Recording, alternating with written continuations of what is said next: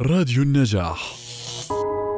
السكرية قصر الشوق رحلة ابن فطومة والعديد من الروايات العربية المصنفة بأنها واقعية أدبية وتتحدث بلغة الشارع.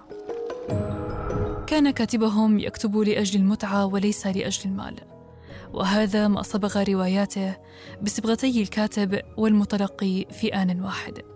فحقق تلك الشهرة الواسعة ونال أيضا جائزة نوبل للآداب في عام 1988 الروائي والكاتب العربي المصري المعروف باسمه الأدبي نجيب محفوظ. يعد أول أديب عربي حاز على جائزة نوبل للآداب. بدأ في الكتابة منذ الثلاثينيات وحتى عام 2004 ما يميز رواياته؟ أنها كانت تحاكي ما يدور في أروقة مصر العربية. كما أن أعماله من أكثر الأعمال الأدبية التي نقلت للسينما والتلفزيون. كان محفوظ يبلغ السابعة من عمره أثناء قيام الثورة في عام 1919 حيث انعكس ما كان يراه ويلحظه في كتاباته المختلفة. حصل محفوظ على الليسانس من جامعة القاهرة في الفلسفة وعلى الماجستير في الأدب.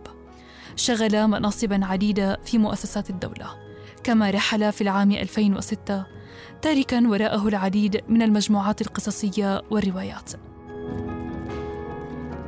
وأنتم مستمعون. ماذا قرأتم للأديب نجيب محفوظ؟